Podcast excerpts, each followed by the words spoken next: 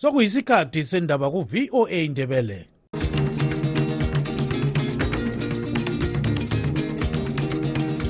amatshono zihlobo siyalamukela kuhlelo lwethu lwezindaba eziphathelane lezimbabwe kustudio 7 eya voice of america sisakaza sisewashington dc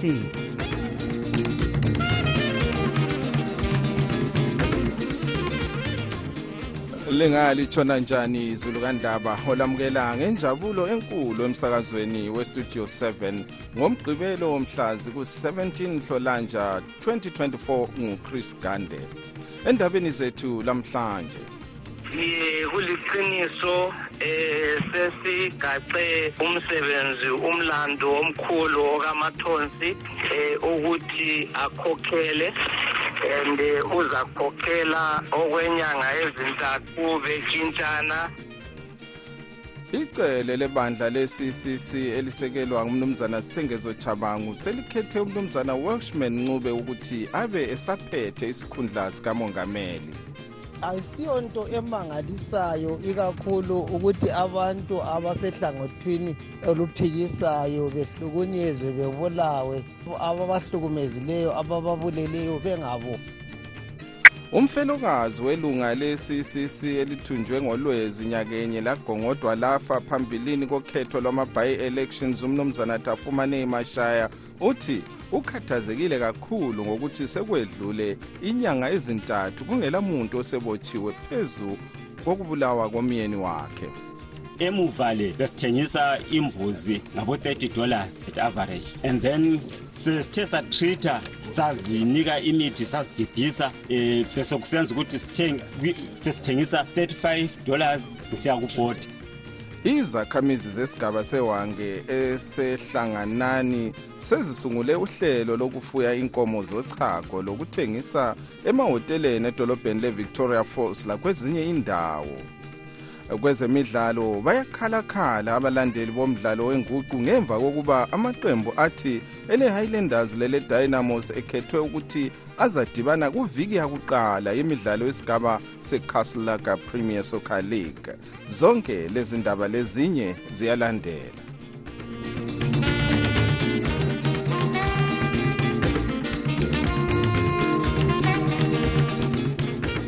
Icele lebandla le-ccc elisekelwa ngumnumzana sengezo chabangu selikhethe umnumzana welshman ncube ukuthi abe esaphethe isikhundla sikamongameli.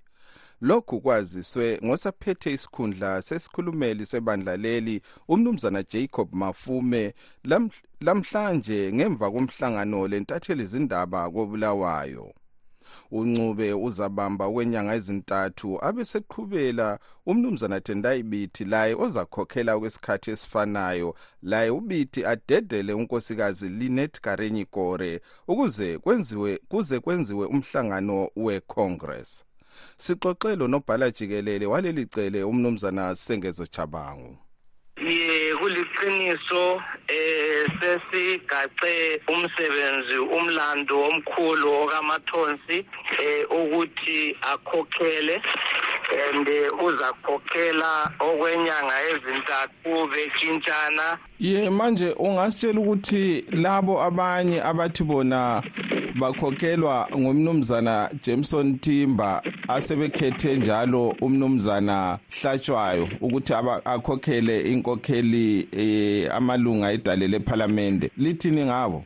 Sasivele sikhuluma sithi eh zikhona izigilamkhuba bakhona ama-criminals. Ayiwona la sasivele sikhuluma ngawo.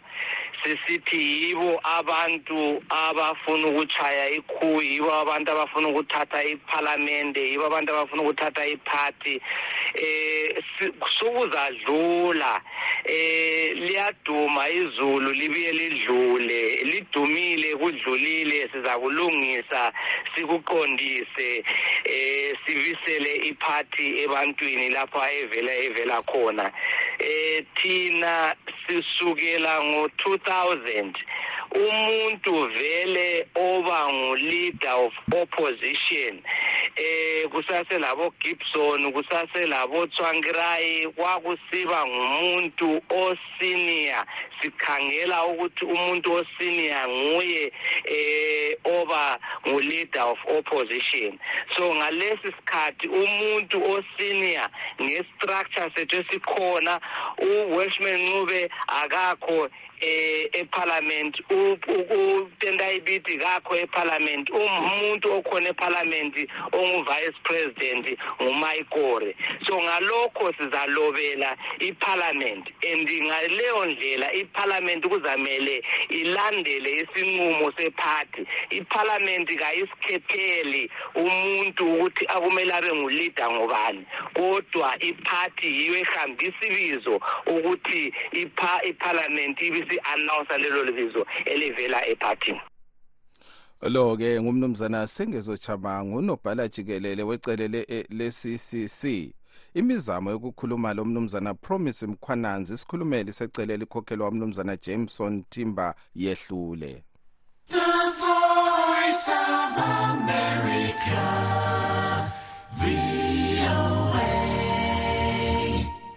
umfelokazi welunga le-ccc elithunjwe ngolwezi nyakenye lagongodwa phambilini kokhetho lwama-by-elections umnumzana tafumanei mashaya uthi ukhathazekile kakhulu ngokuthi sokwedlule inyanga ezintathu kungelamuntu osebotshiwe phezu kokubulawa komyeni wakhe umasaya ubikwa wathunjwa ngabantu ababehlome ngemibhobho abacatshengelwa ukuthi ngabacuphi ama-cio kumbe amalunga ebandla lezanu pf mhla ziku-11 ngolwezi watholakala efile eharare. Ukubulawa kwakhe kwasolwa kakhulu ngabaningi okugoqela umanyano we-united nations owaxwayisa uhulumende ukuthi aphenye lolu daba kabanzi. Unkosikazi masaya utshele istudio 7 ukuthi uhlukumezekile kakhulu ngokuthi ababulali bomkakhe balokho bezihambela nje. Untungameli nkomo westudio 7 uxoxe lonobhala jikelele wenhlanganiso elwela amalungelo oluntu eye-ibheju likazulu umnumzana mbuso fuzwayo. Ayisiyonto emangalisayo ikakhulu ukuthi abantu abasehlangothini oluphikisayo behlukunyezwe bebulawe ababahlukumezileyo abababuleleyo bengabotshwa. Lokhu yimpilo yinhlalo i-44 years ezimbabwe esesiyiphilile. Yiyo yikho inhlalo yabantu abaku-opposition. Uma uku-opposition awuvikelwanga ngumthetho awuvikelwanga ngamapholisa kodwa um ungahlukunyezwa nje laloba ubulawe ngabantu abavela ebandleni elibusayo kungabi into ezenziwa ngoba kusankshiniwe ngabaphetheyo. Uyawubabone bephuma bekhuluma bekloloda ukuthi bona bangaze benzeni akulanto ezenziwa. So ngibona ngazathi amapholisa lawo ayakwazi ukuthi ngeke bebophe umuntu ovela ebandleni elibusayo eqhubeke esemsebenzini one way or the other ugcina exotshiwe kumbeni esusiwe lapho desebenzela khona. So ayisiyo nto eyethusayo yimpilo yabantu vele bonke abaku-opposition emthethweni kukhona yini okungenziwa okungenyusa umfutho? Uh, sigcine sibona mpela amapholisa. Ebopha umuntu kumbe abantu ababulala umasaya ngoba sabona ngesikhathi sika itayidzamara lanxa nje lokhu engaziwa ukuthi watshonaphi inkantolo yangenela yathi amapholisa kwakumele akhulumisane lemuli kadzamara ayazise eh viki ngeviki ukuthi uphenyo lwaluhamba njani? Bekuqakathekile ukubana iphalamende yezimbabwe amakhotsi ezimbabwe afuqe into leyi. Kodwa lesadaki layo kuyakuqakathekile ukuthi ikhuthaze umfowabo lo-ke ngumnumzana mbuso fuzwayo onobhala jikelele wenhlanganiso ye-ibheju likazulu. Ubexoxa ecingweni lontungameli nkomo westudio 7 isikhulumeli samapholisa u-assistant commissioner paul nyathi uthe simtshayele ucingo ngalolu daba ngomvulo.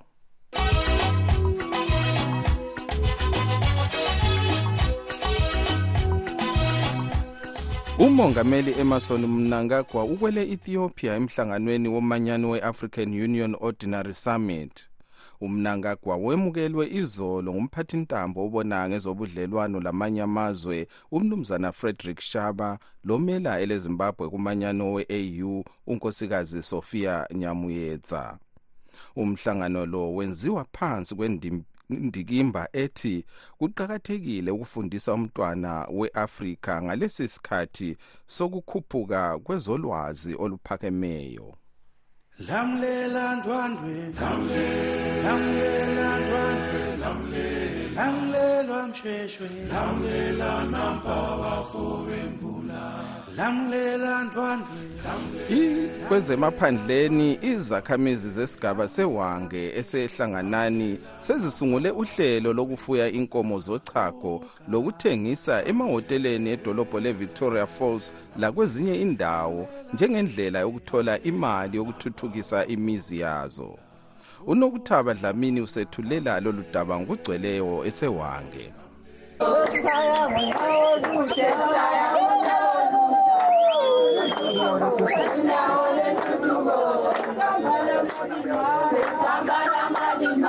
Zixhasana nganjongonye zingamachumi amathathu lane. Izakhamizi lezi zaphuma lo mbono lo kumnyaka ophelileyo kulandela ukungenela kohlangothi olubona ngokwelula kwengalo olwe-united states agency for international development.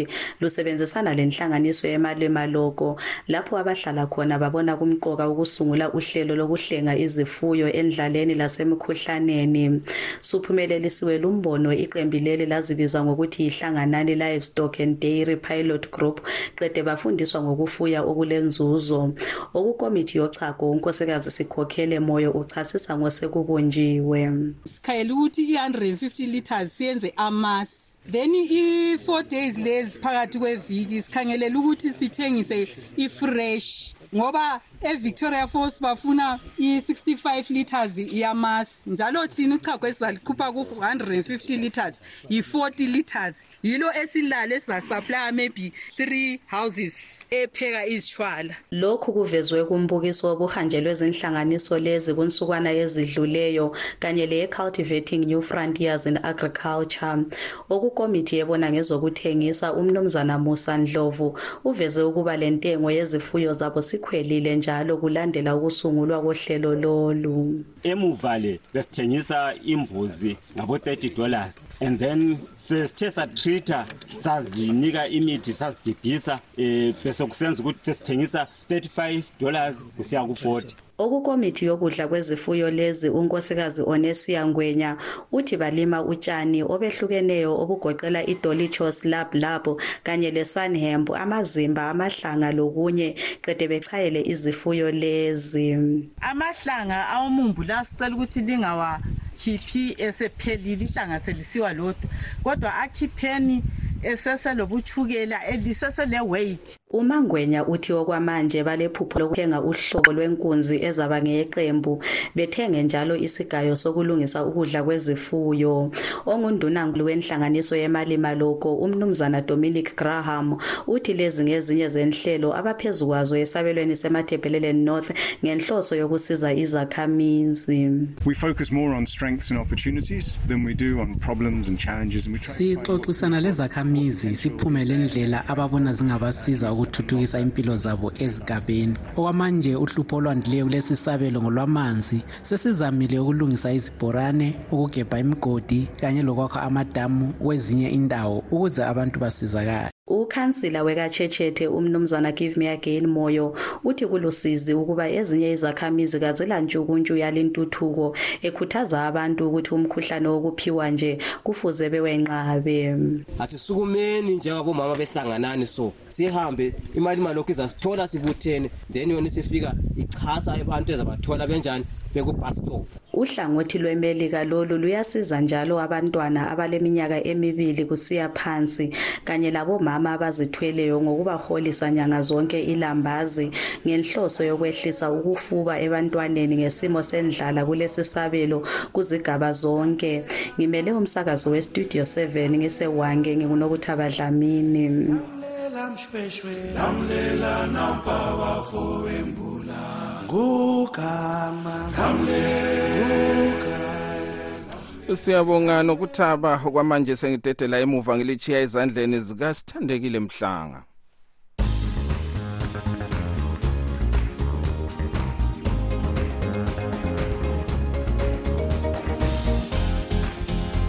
Siyalamukela kweziphathelane labesifazana lilami usithandekile mhlanga. Lamhlanje sixoxa lo nkosazana soneni moyo. Ilunga lebandla le-ccc othi kwakufanele angene ephalamende kulandela ukuxotshiswa kwamalunga e-ccc ngumnumzana sengezo chabangu ezikhundleni zawo kodwa akusabanga njalo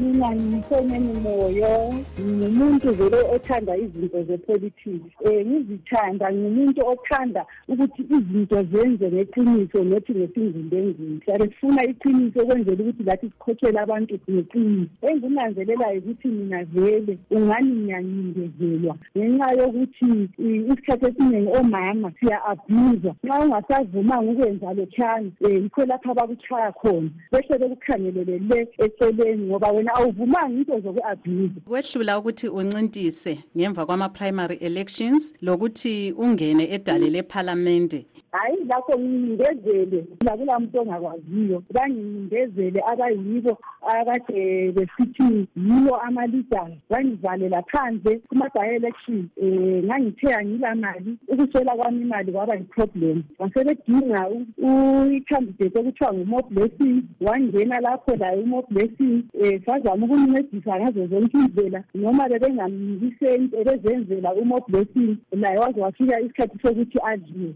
Yikho ukusikhafula kwabo sonke lo mo blessing ubona ingane ayisuwe wedwa wesifazane oncindezelwayo lapho hhayi ayisimi ngedwa sibaningi ikakhulu sithole sokuthiwa hhayi laphana sekungena izivani singazange sitshele thina sisithi silibandla eliyi-one sisithi siyithimu eyi-one sabona laphana uncintisana lo mnumzana siziba kuma-primary elections.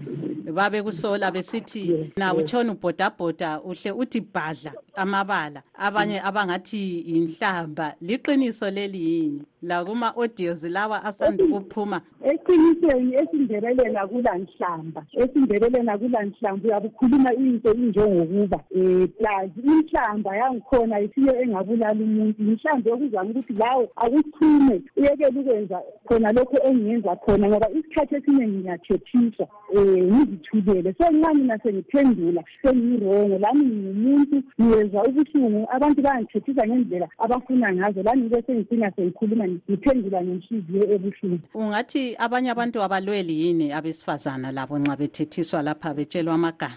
Isikhathi esiningi abesifazana instead babaqalisa ukuthi beku-attach um bese bencediswa ngamadoda. Isikhathi nxa sebencediswa ngamadoda kube sokumnani ofanana lemalangeni nje kulomunye nje kade ngithethisa ngendlela afuna ngayo. Ngithe sengiyiphendulile sengisizwa amalokhuzeni ama-audios asehlanganisiwe asephuma kuma-news ngenxa yokuthi mina ngithethisile kodwa yena onguye laye oyenza ukuthi ngiyithethise kasakhipho wakhe akukhulumileyo ezama ukungigcona um ukuthi abantu bethi kambe lizafaka njani umuntu ethethisa kanjani yikho libona abomama abaningi besaba ukungena kwezepolitics kungenxa ye-abuse eyenzakalayo. Uyathethisa ngendlela yonke abantu abafuna ngayo. Wena nxa usuphendula sekuthiwa urongo kodwa awusiwo muntu owesabayo. Hayi mina ngesabi someone ophawa hungry ukuthi sekufuze ngiyeguqa laphana ngicela imali hhayi ayisikho lokho.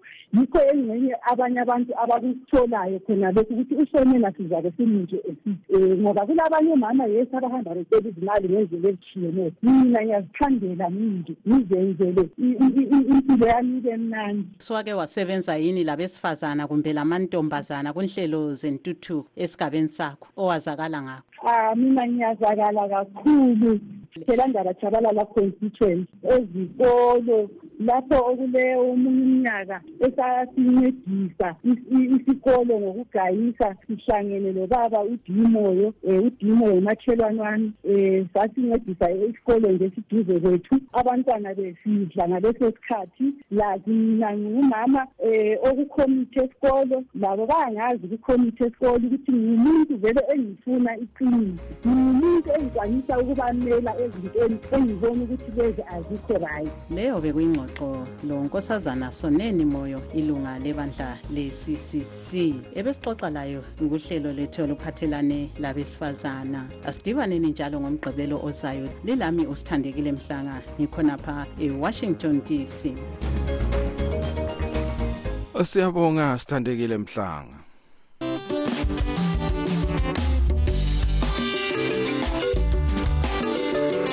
Siyadibana njalo kuhlelo liphuma lendaba litshone lendaba. Lamhlanje sixoxa lomnumzana Willard Moyo ukhansila kaWard 29 esilobela. Okwakuqala ngiyakwamukela kuhlelo mnumzana. Hayi ngiyabonga ukwamukelwa ehlelweni babagande sanibonani. Lonke balaleli labalandeli bestudio 7 nabahlali bakawadi 29 edonsa echapewa emawolokohlo ngiyalibingelela abantu bakankulunkulu. Ingali njani emakhaya? Ungasitshela ukuthi umumo unjani khona ngapho sizwa kuthiwa likhangelela ukuthi kungaba lendlala enkulu kakhulu? Babagande angazi ukuthi ngingathini. Umuntu wanika linto wathi yindlala waphambanisa kakhulu. Lokhu yikufa. Lokhu engazalwayo iminyaka emilutshwane ngihamba emhlabeni ngaze ngubone lokhu engakhokhela abantu kusukisela ngo-2008 kuze kube namhla angizange ke ngubone lokhu kufa okungaka. Ukufa abantu bekhangele phezulu njengabantwana benyoni. Izulu phezulu likhona kodwa phansi kalehli. Phezulu komile qha izifuyo emasimini sokutshile sikhangelane lendlala. Inkalakada yomswalakahla wendlala induna yendlala esikhangelane layo lonyaka ukuqamba amangakubi inkosi yona imbhida efana labo lude labo delele awuzange kutholakale yini? Imbhida babagande nabalaleli eh ayizange kitholakale imbhida leyo okhuluma ngayo ulude lembuya idelele lokunye okuningi nengi okuwandisa ukuthi kuyisitshebo sokudla kwabantu ngalesi sikhathi sezulu. Kuthe kusithi kuyahluma kusithi kuyamila kusithi kuyaphakamisa ikhanda kuze imbhida lokhu kwahlangana nesibabule selanga. Ulude uyakwathi lungashiswa lilanga aludleki lubaba gama okomhlonyane. Ithe isithi sithi yakhona abantu baqala ukuthi bayaqunta-qunta ukuthi badle kwahle kwehla. Kalakade esibabule selanga labhaqabula yonke into yakhothamisa ikhanda akula mbhida akula delele akula mbuya akula lutho. Konke nje komile lugwadule abantu badla ingqoqo zomlomo baba. Manje wena njengokhansila usuke wakhulumisana yini? Lohulumende kumbe lenhlanganiso eziphathisa uzulu. Uhulumende sengikhulumisane laye kakhulu. Njengobana lami ngingomunye wengxenye kahulumende obusayo. Ngibe le ngihambo ezithize enithanda ukuthi abalaleli bebezazi. Ngihambela uhlupho lwendlala. Afike emahofisini awe-social welfare eh baphakathi kohlelo lokuthi babuye bezebhala izakhamizi ezilambayo. Eh bayeza nje emalangeni amalutshwane alandelayo njengokuthenjiswa kwami yihulumende eh besenzothiwa khona i-rating. So yikho engingahambela khona emahofisini e-social welfare ngilokukhulumisana kakhulu le ofisi ka-ddc u-district development coordinator lokwakuthiwa khona ngu-da kudala. Um sengike ngathumeza ilizwi silingafika khona ngakhuluma labo ngibabonisa. Ungaya kuma-minutes awe-chamber wezibagwe road council ngike ngaphakamisa ilizwi elikhulu umhlangano we-full council meeting ngibika isibiko sokuthi izidumbu ezikuwadi 29 ezendlala zizabaningi kakhulu lonyaka izalukwazi amaqhegu intandane abafelwakazi eh labantu abatsha abahlezi emakhaya abangasebenziyo indlala izabathwalisa nzima ngoba sokuhle kwala. Ungalahlwa insimu yakho baba. Akula nto enye ezakwamukela ukubana ulwisane le ndlala sengikhulumisane lazo inhlanganiso bezikhona ku-full council meeting ezigoqela ama-ngos ezigoqela um ingatsha zikahulumende ezigoqela abezinhlanganiso zenkonzo um salubika udaba kanjalo. Akula ofisi esingafikanga kiyo sibika lolu daba. Okokugcina ungavalelisa abalaleli. Hayi ngiyabonga abalaleli ngiyabonga lawe msakazi. Engithemba abantu bakithi bazancedisana makusiba khona okuncane okokudla okubuyayo eh asiqathelananeni bantwana bakaNkuluNkulu bantwana bedonsa bantwana bakamalisa.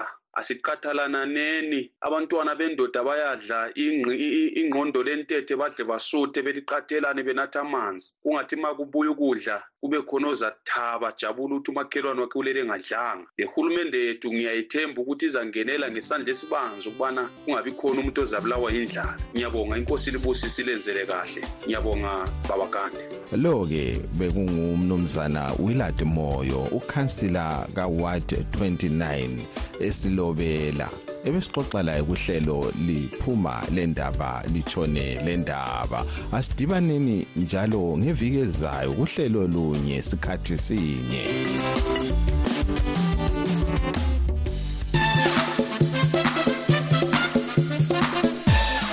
Kwezemidlalo abalandi abayakhalakhala abalandeli bomdlalo wenguqu ngemva kokuba uhlelo lokuba amaqembu adlala kusigaba secastlelaga premier Soc- soccer league azadlala njani lo nyaka? Luveze ukuba i-highlanders le-dynamos zizadibana kuviki yakuqala yalimdlalo.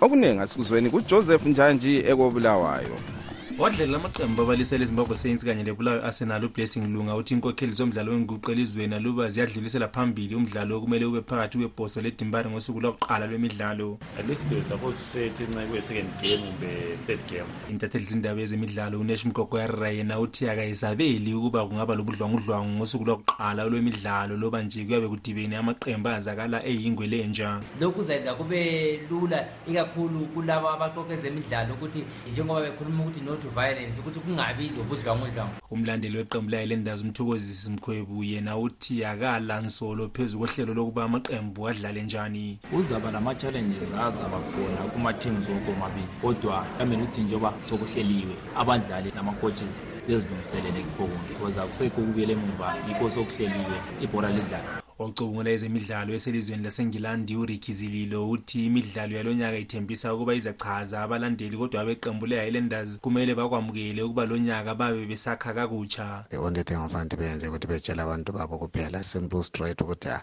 ukuthi indaba yokuthi vele uhlale ubuilda ku-premier soccer league ayikho le. Imidlalo yeligi ikhangelelwe ukuqala ngenyanga kamabasa kodwa imidlalo yalonyaka izaqala okusemthethweni mhla zingamachumi amabili lane lapho iqembu eliphakamise isicoco seligi nyakenye elenkezi platinum stars elizanqikelana khona leli dynamos lona eliphakamise inkezo yechibuku nyakenye kubangwa inkezo yecastle challenge cup. Lo mdlalo uzaqhutshelwa enkundleni yebaobab. Ngimele studio 7 kobulawayo ngingujoseph njanji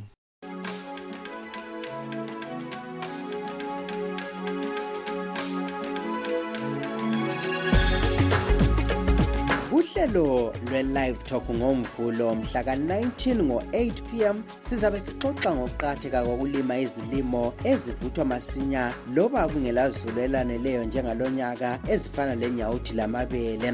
Sikhuluma nje izimbabwe ibhekane lendlala embi njalo abantu abafika izigidi phose ezintathu 2.7 million badinga usizo lokudla. Kambe ingaqedwa njani indlala ngalesi sikhathi sokuguquka komkhathi?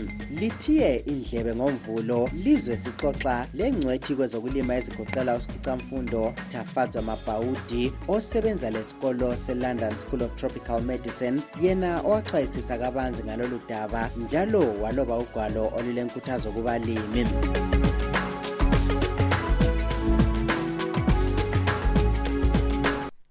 Isikhathi kasisavumi ukuba siqhubeke sonke kodwa singakehlukani ke sikhangele ezinye zenhloko zendaba ebezikhokhela icele lebandla le-ccc elisekelwa umnumzana sengezo chabangu selikhethe umnumzana welshman ncube ukuthi abe esaphethe isikhundla sikamongameli umfelokazi welunga le-ccc elithunjwe ngolwezi nyakenye lagongodwa lafa phambilini kokhetho lwama-by-elections umnumzana tafumane mashaya uthi ukhathazekile kakhulu ngokuthi sokwedlule inyanga ezintathu kungela muntu osebotshiwe phezu kokubulawa komyeni wakhe. Silugqiba-ke lapha uhlelo lwethu lwalamhlanje abangenelisanga ukulalela uhlelo lwethu lilakho kuya bulenjini ku-www voa ndebele com. Asidibaneni njalo kusasa sikhathi sinye. Igama nguchris gande.